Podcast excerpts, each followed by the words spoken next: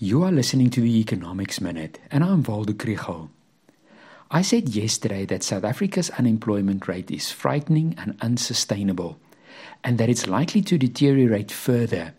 But are there any solutions at all?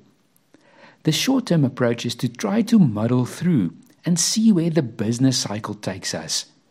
More people may be employed due to increased activity in the mining sector if supply chains normalize, the industrial production in large economies will improve and employment in South Africa will also increase.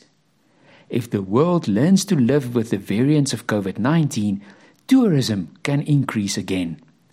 But lockdowns and load shedding will dampen economic activity again. The other approach is radical reform. The state cannot create jobs sustainably the private sector must create jobs. I do not think that the economy can grow in a labor intensive way anymore. Businesses realize that being part of global value chains require the productivity of capital and high skilled labor, and unions like good jobs that pay well. Continuing with this model means that the economy will have to grow very rapidly for an extended period of time to reduce unemployment. Also, that we will have to equip workers through education and training for the jobs that will be created in this way. We will have to empower the poorest people to seek and find those jobs. Then the questions become what will make the economy grow that fast? How should education and training be reformed? And what do we do with everyone that we cannot equip for this world? The economy can only grow rapidly for a long time through exporting. To be internationally competitive requires the reforms that everyone is talking about.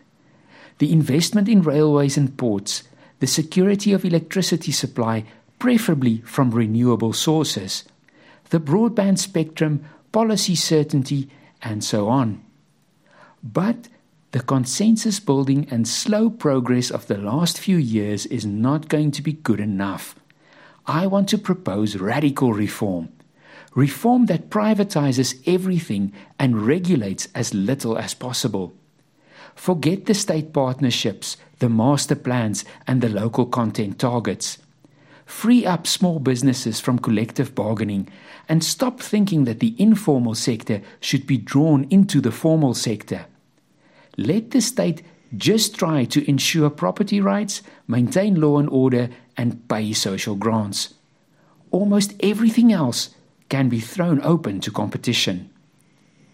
If this sounds impossible, and our hope is to keep doing what we're doing right now, just a little better and more effectively, then it's easy to guess what next quarter and next year's unemployment rate will be.